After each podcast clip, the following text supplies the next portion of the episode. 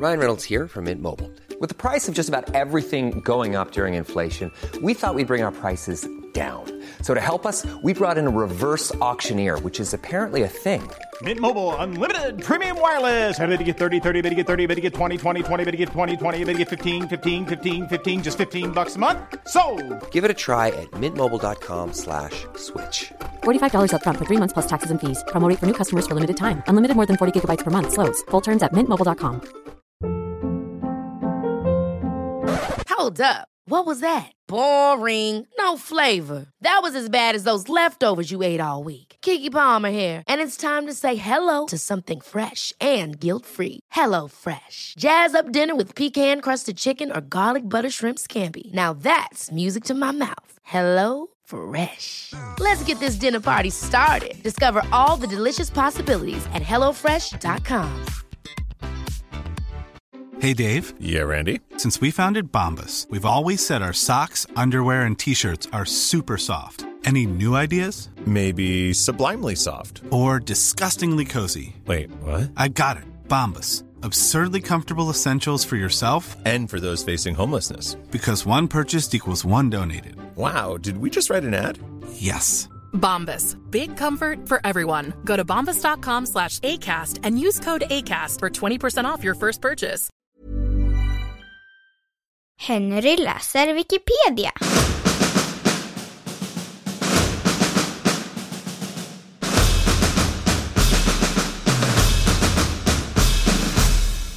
Mörtnäsmorden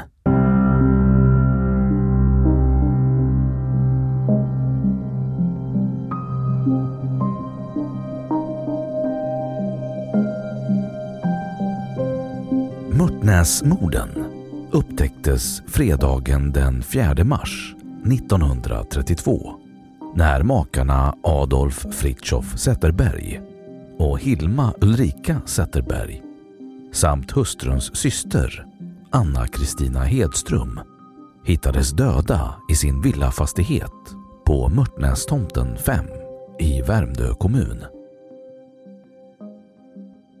Mörtnäsmorden markerade början på ett flertal mordfall under mars 1932 som kommit att beskrivas som en mörk månad i svensk kriminalhistoria.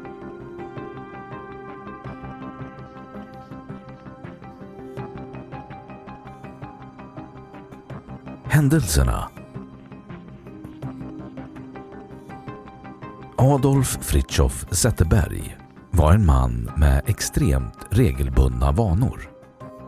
Varje dag gick han till Älggården och hämtade mjölk och sedan begav han sig till Ålstäket som låg strax bredvid för att hämta Stockholms-Tidningen, vilken han prenumererade på. Han åt frukost prick klockan 11 och åt middag klockan 17 varje dag. Torsdagen den 3 mars kom han aldrig för att hämta mjölken och han kom inte heller på fredagen. Ingen hade sett honom sedan onsdagen den 2 mars. Boende i orten hade inte heller sett hans fru Ulrika Zetterberg eller hennes syster Kristina som på den här tiden bodde tillsammans med sin syster och hennes man. Anledningen till detta var att fru Zetterberg hade gått genom isen och skadat foten vilket innebar att hon behövde sin systers hjälp för att kunna sköta hushållet och utföra vardagliga uppgifter. På fredagskvällen den 4 mars beslutade sig tre grannar, arrendatorn Lövberg, snickaren Karlsson och fiskaren Wallin för att hälsa på familjen Zetterberg och se vad som hade hänt. När de samlats kring villan såg de att lampor var tända på övervåningen och beslutade sig för att bryta sig in i bostaden med hjälp av en stege. Snickaren Karlsson klättrade upp först och tittade in genom köksfönstret. Där fick han se två personer ligga utsträckta på golvet framför spisen i bostaden.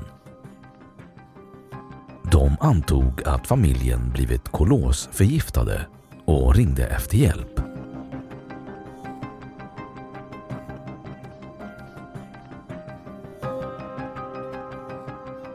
Utredningen På fredagskvällen den 4 mars 1932 omkring klockan 19.30 upptäcktes trippelmorden av makarnas grannar som anmälde brottet per telefon till landsfiskalen i Gustavsberg.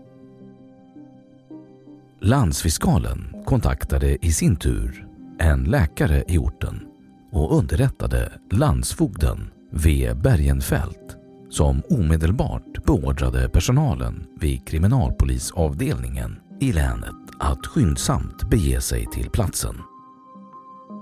Först på brottsplatsen var läkaren och landsfiskalen som var tvungna att bryta sig in i bostaden då ytterdörren var låst. När de kom in i hallen såg de på en gång att det varit någon form av strid i hemmet. I köket hittade de herr Zetterberg framstupa på golvet och hans svägerska som var ihopsjunken i en vrå mellan spisen och diskbänken. I sovrummet hittades fru Zetterberg liggande på golvet mellan sängarna med ett stort krossår i huvudet. Läkaren undersökte kropparna och konstaterade omedelbart att döden måste inträffat minst 18 timmar innan upptäckten men att de mycket väl kunde ha dött ett eller två dygn innan. Landsfiskalen på plats hade inte någon erfarenhet av mordutredningar och detta fall var långt över hans förmåga. Detta var det första mordet på Värmdö sedan 1840-talet vilket gjorde att man kontaktade kriminalkommissarie Axel Thor som jobbade på kriminalavdelningen i Stockholm. Kriminalkommissarie Thor begav sig till brottsplatsen tillsammans med brottsplatsfotografen Gustav Sjöstrand samt högsta polischefen i länet, William Bergenfeldt. De var på plats omkring 08.45. Efter noggrann undersökning av brottsplatsen hittade kriminalpolisen ett järnrör nedblodat i ena änden samt med tydliga märken av slag. Detta antog kriminalpolisen vara mordvapnet som dödat makarna Zetterberg och hustruns syster. Järnröret tillvaratogs därför av polisen för att säkra eventuella fingeravtryck. Kriminalpolisen fann även bevis på att gärningsmannen gått in i sängkammaren där denne stulit pengar från två plånböcker och en handväska. Bakom lämnades en klämma tillhörande en av plånböckerna. Gärningsmannen hade inte gått in i den andra kammaren i lägenheten då dörren var låst. Nyckeln befann sig nämligen i herr Zetterbergs ena byxficka. Vid undersökning av rummet hittades en stående chiffonier innehållande värdehandlingar såsom bankböcker, depositionsbevis, premieobligationer samt en plånbok med sammanlagt 150 kronor i kontanter. Vid verkställande undersökning av lokaliteterna i bostaden antecknades bland annat en tidning för den 2 mars 1932 i köket. Man hittade även sandblandad jord på olika ställen i hemmet, såväl i köket som i tamburen som tillvaratogs av polisen. I sängkammaren fanns en sönderslagen taklampa och glasskivor låg utspridda över golvet. Fru Zetterbergs syster, änkefru Hedström, hade vid tillfället innan sin död varit sysselsatt med att skala potatis och vid brottsplatsen hittade man potatisen, en del skalad och en del ännu oskalade. Ungefär klockan 00.00 på natten avslutades den första besiktningen av brottsplatsen och villafastigheten på Mörtnästomten 5 sattes under polisbevakning. Följande morgon klockan 07.00 återupptogs undersökningen och en fingeravtrycksexpert från Centralbyrån kallades in samt en fotograf som verkställde ytterligare fotografering av brottsplatsen och de döda kropparna. Föremål som ansågs behöva undersökas närmare för upptagning av fingeravtryck såsom järnröret säkrades och skickades till Centralbyrån. Det verkställdes därefter ytterligare en noggrann besiktning av brottsplatsen under dagsljus, såväl inomhus som utomhus och av området omkring villan. Marken i den närmaste trakten omkring villan var barmark som under de senaste dagarna varit tillfrusen. Där hittades endast hårt tilltrampade gångstigar i den kvarlämnade snön. Fotspåren i snön verkade alla vara gamla och det antecknades att det inte heller snöat under de senaste dagarna. Därefter verkställde kriminalpolisen upptäckning av de dödas värdepapper och värdeföremål som sedan tillvaratogs. Sedan begärde polisen uppgifter från ett flertal banker om Zetterbergs eventuella tillgodohavanden, fullständiga kontoutdrag, utvisande insättningar och uttag under de senaste åren. Därefter påbörjades förhör av boende i orten och även av andra personer som kunde tänkas ha information om mordet. Ingående och detaljerade förhör resulterade i att de förhörda personerna släpptes utan misstankar om delaktighet i morden. Undersökningen av brottsplatsen avslutades den 5 mars omkring klockan 14 då de avlidna fördes till Karolinska institutets obduktionssal för att undergå en rättsmedicinsk obduktion i syfte att fastställa dödsorsaken. Obduktionen verkställdes den 7 mars av provinsalläkaren G. Berntsson. Den 13 mars gav Berntsson ett utlåtande där han förklarade att orsaken till offrens död var svåra brott på huvudskålen och starka blödningar mellan hjärnan och dess hinnor vilket lett till krossskador på hjärnan. Dessa skador ska ha åstadkommits med hjälp av ett starkt, trubbigt föremål vilket stödde kriminalpolisens teori om järnröret som mordvapen. Genom den hittills verkställda undersökningen kunde kriminalpolisen konstatera den beträffande tiden för brottets förövande. Enligt förhör med boende i orten hade makarna Zetterberg regelbundna måltidstimmar med frukost klockan 11 och middag klockan 17. Obduktionen visade att makarna Zetterberg samt hustruns syster intagit en måltid potatis samma dag de dödats. Dessutom anträffades det att offren varit fullt påklädda och då den ena av kvinnorna synbarligen varit sysselsatt med att skala potatis verkade det till synes sannolikt att mordgärningen förövats den 2 mars på dagen mellan 11 och 17. Detta påstående stöddes även av förhör med boende i orten då hörda personer sägs ha sett maken Zetterberg hämta sin tidning på förmiddagen den 2 mars och därmed sätts i livet samma dag omkring klockan 15 på eftermiddagen. Handlaren i orten ska påföljande torsdag mellan klockan 12 och 13 vid två olika tillfällen försökt ringa till hushållet utan att erhålla något svar.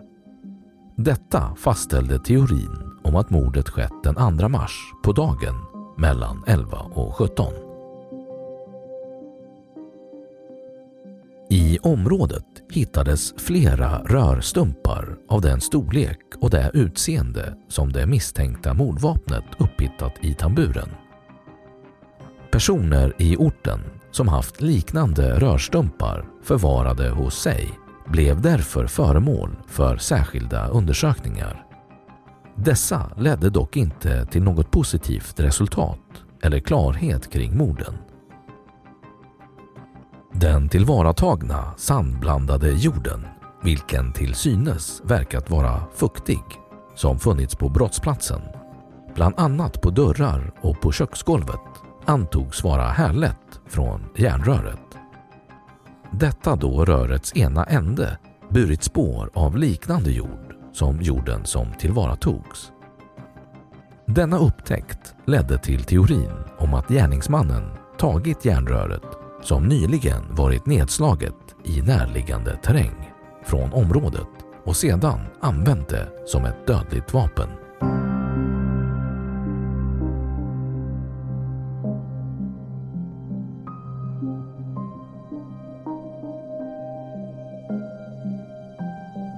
Motivet Motivet till trippelmordet är oklart men det nämns att Adolf Fritjof Zetterberg samma år som morden förfogat över ett kapital på cirka 40 000 till 50 000 svenska kronor.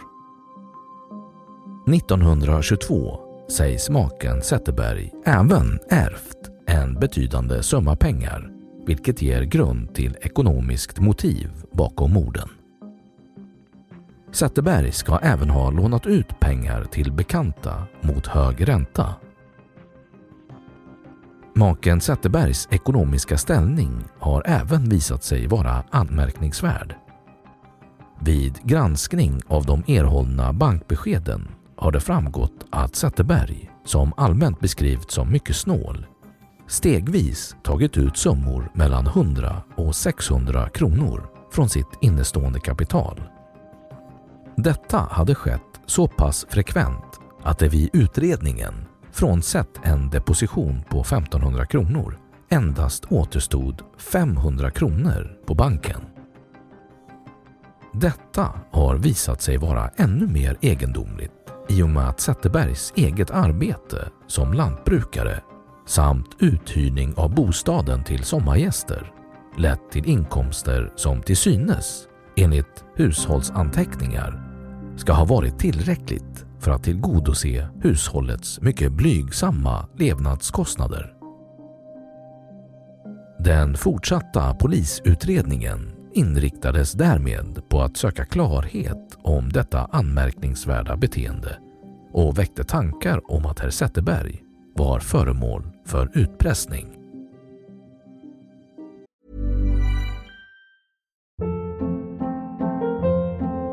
Hold up. What was that? Boring. No flavor. That was as bad as those leftovers you ate all week. Kiki Palmer here, and it's time to say hello to something fresh and guilt-free. Hello Fresh. Jazz up dinner with pecan-crusted chicken or garlic butter shrimp scampi. Now that's music to my mouth. Hello Fresh. Let's get this dinner party started. Discover all the delicious possibilities at hellofresh.com. A lot can happen in three years, like a chatbot may be your new best friend. But what won't change? Needing health insurance. United Healthcare Tri Term Medical Plans, underwritten by Golden Rule Insurance Company, offer flexible, budget friendly coverage that lasts nearly three years in some states. Learn more at uh1.com. If you thought the only way to get a more defined jawline with natural looking results was through surgery, think again. Juvederm Volux XC is a non surgical injectable gel filler that improves moderate to severe loss of jawline definition and can help you achieve natural looking results with little downtime. Even better, this improved definition lasts up to one year with optimal treatment. No maintenance required. Improve jawline definition for a smooth, sculpted look with Juvederm Volux XC. For important safety information and to find a licensed specialist, visit juvederm.com. That's J U V E D E R M.com. Not for people with severe allergic reactions, allergies to lidocaine, or the proteins used in Juvederm. Common side effects include injection site redness, swelling, pain, tenderness, firmness, lumps, bumps, bruising, discoloration, or itching. There's a risk of unintentional injection into a blood vessel, which can cause vision abnormalities, blindness, stroke, temporary scabs, or scarring. Talk to a licensed specialist to find out if it's right for you.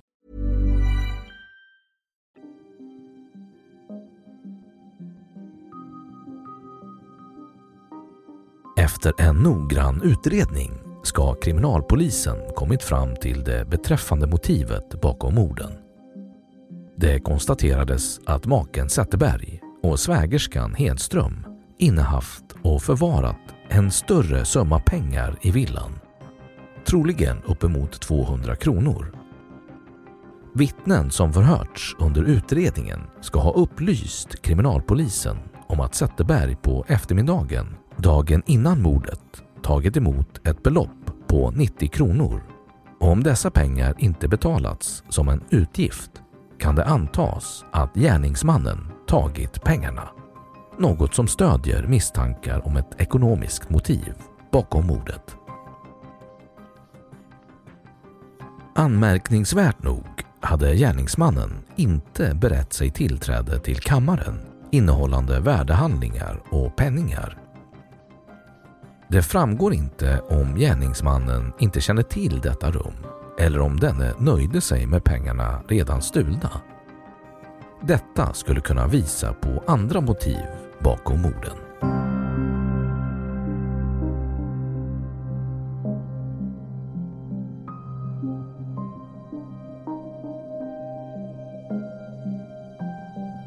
Misstänkta gärningsmän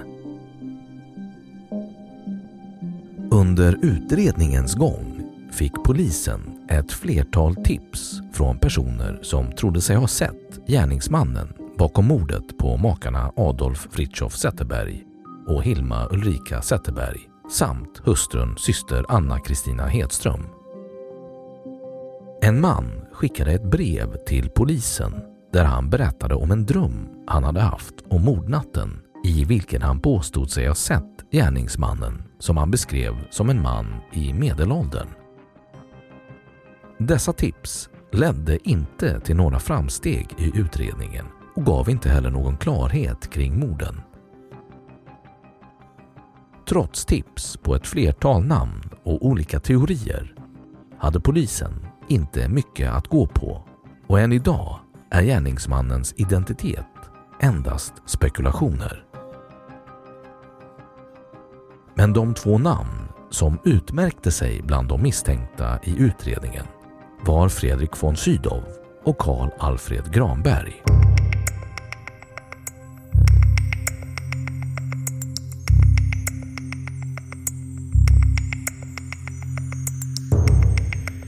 Fredrik von Sydow Polisen har funnit kopplingar mellan Mörtnäsmorden och ytterligare ett trippelmord. De så kallade von Sydowska morden. Von Sydowska morden skedde endast tre dagar efter Mörtnäsmorden, måndagen den 7 mars 1932. Den här gången skedde morden på Norr Mälarstrand 24 i Stockholm och de mördade var häradshövdingen och politikern Hjalmar von Sydow och två av hans anställda, kokerskan Carolina Herå och hembiträdet Ebba Hamn. Den starkt misstänkta gärningsmannen bakom morden var herr von Sydows egna son, Fredrik von Sydow, som efter morden begick självmord efter att ha skjutit sin fru Ingun von Sydow till döds.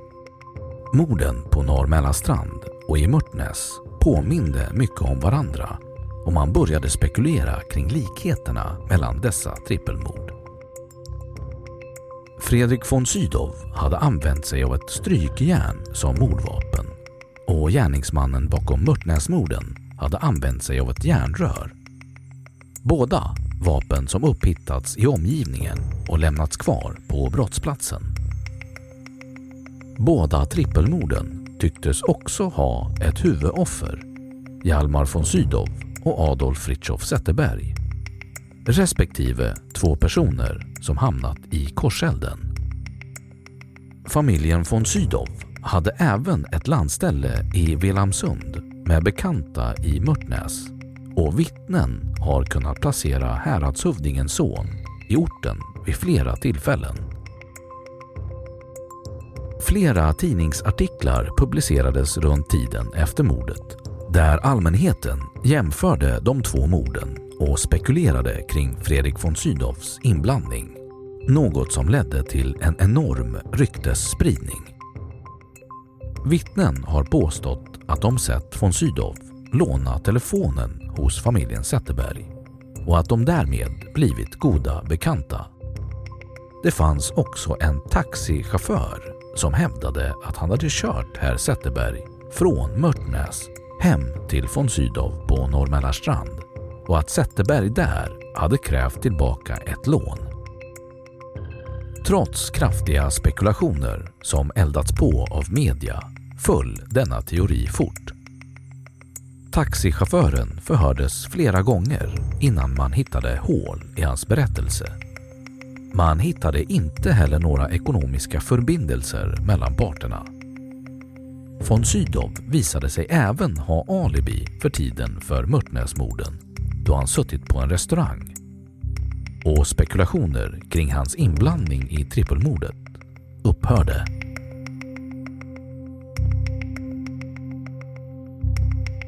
Karl Alfred Granberg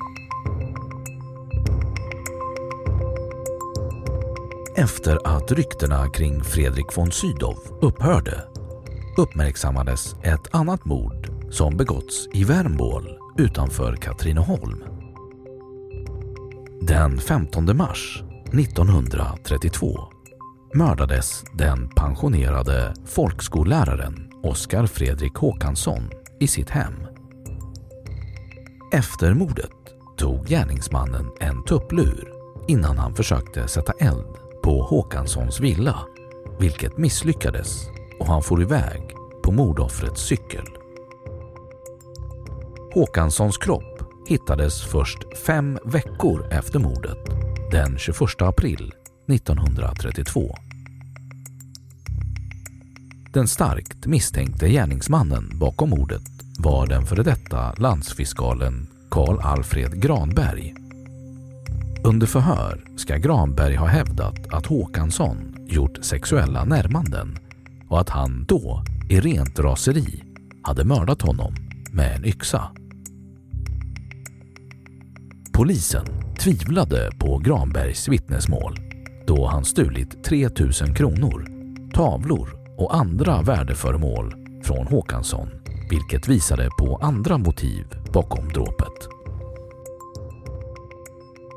Under tiden kring Mörtnäsmorden misstänktes Granberg befunnit sig i Stockholm och kriminalpolisen började jämföra de två fallen och hittade genast likheter. Under båda morden stals en stor summa pengar från äldre människor med pengar. Respektive mordvapnen var hittade och kvarlämnade på brottsplatsen och alla offer led av brutala krossår i huvudet. Granberg saknade även alibi för tiden kring trippelmordet. Spekulationerna växte sig starkare när arrendatorn Lövbergs 11-åriga dotter påstod sig ha haft ett möte med en man i trenchcoat ute i Mörtnäs, vilket var ett klädesplagg som Granberg ägde. Och hon trodde sig också ha sett honom i närheten av Zetterbergs villa. Efter arrendatorns dotters vittnesmål följde ett flertal andra vittnen boende i orten som också påstått sig sett en man i trenchcoat. Granberg nekade till inblandning i Mörtnäsmorden när han kallades till förhör och han hävdade att han under denna period hade bott hemma hos Håkansson i Värmbål. Genom att gå igenom Granbergs tillhörigheter försökte polisen hitta ett nytt sätt att knyta honom till trippelmorden. Bland dessa föremål hittades en huvudduk med spår av blod på som hade tillhört Anna Kristina Hedström, vilket bekräftades av hennes familj. Bland upphängd tvätt vid Zetterbergs villa fanns en lucka som passat huvudduken och man tänkte sig att Granberg sprungit ut från bostaden efter mordet och använt denna till att torka bort blodet från brottsplatsen. Trots detta kunde man inte säkert knyta huvudduken till honom.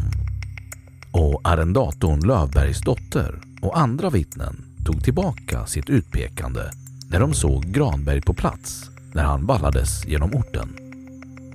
Detta ledde till att Granberg endast dömdes för mordet på Oskar Fredrik Håkansson men ansågs vara sinnesförvirrad och togs in på sinnessjukhus.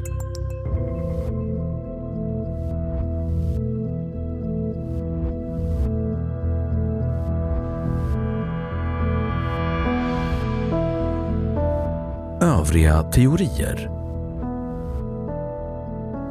Mörtnäsmorden har blivit föremål för ett flertal mediareportage. Bland annat av kriminologen och författaren Leif GW Persson, vilket har lett till kraftiga ryktesspridningar och ett flertal olika teorier.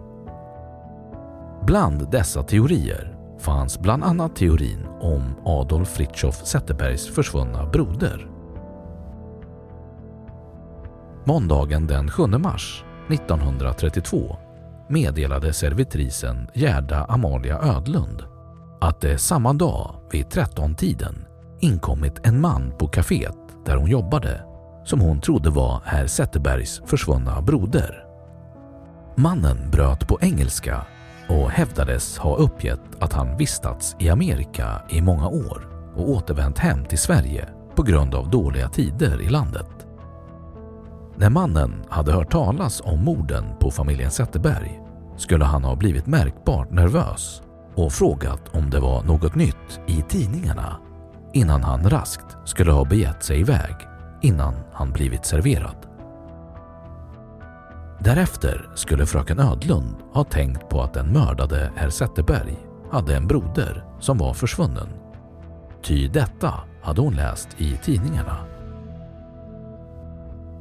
Ödlund beskrev mannen som mellan 50 och 60 år, något över 170 cm lång, kraftigt byggd, mörkt hår och iklädd en beigefärgad sportmössa och rock. Fröken Ödlund var övertygad om att mannen var identisk med den försvunna Zetterberg. Mannen hade återvänt till kaféet tre dagar senare då han hade sagt att han rest från Amerika för ett och ett halvt år sedan men att han varit tvungen att återvända till sommaren för att inte gå miste om sitt medborgarskap. Han hade även sagt att han sökte en hushållerska och för att komma i samtal med honom hade fröken Ödlund erbjudit sig för tjänsten. När hon sedan frågade honom om hans namn och adress hade han endast sagt att han bodde någonstans på Polhelmsgatan. Mannen i fråga efterspanades noggrant av polisen men man hittade aldrig honom. Liknande teorier och spekulationer kring Mörtnäsmorden lades ner efter en noggrann utredning.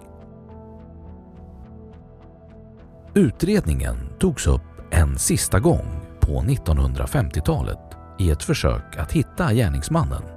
Men utredningen ledde ingen vart och morden preskriberades 1965. Mördaren bakom makarna Adolf Fritiof Zetterberg och Hilma Ulrika Zetterberg samt hustruns syster Anna Kristina Hedström hittades aldrig och trippelmordet är än idag ouppklarat.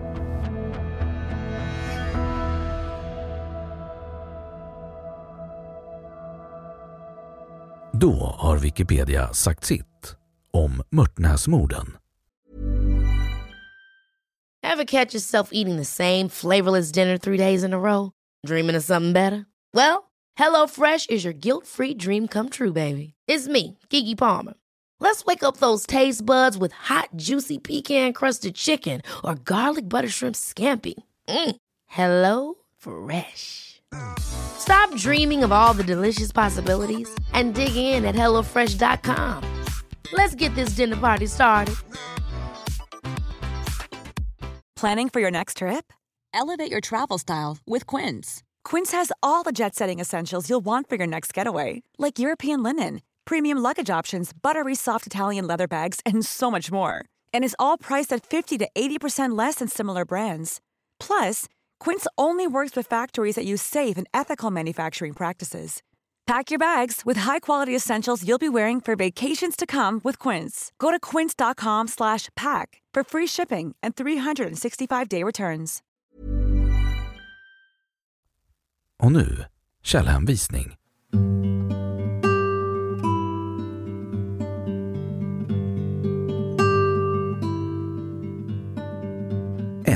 Svenska mordkartan, Mörtnäsmorden, trefaldigt mord, Gustavsberg 1932, på amerikansk engelska, läst 20 december 2020.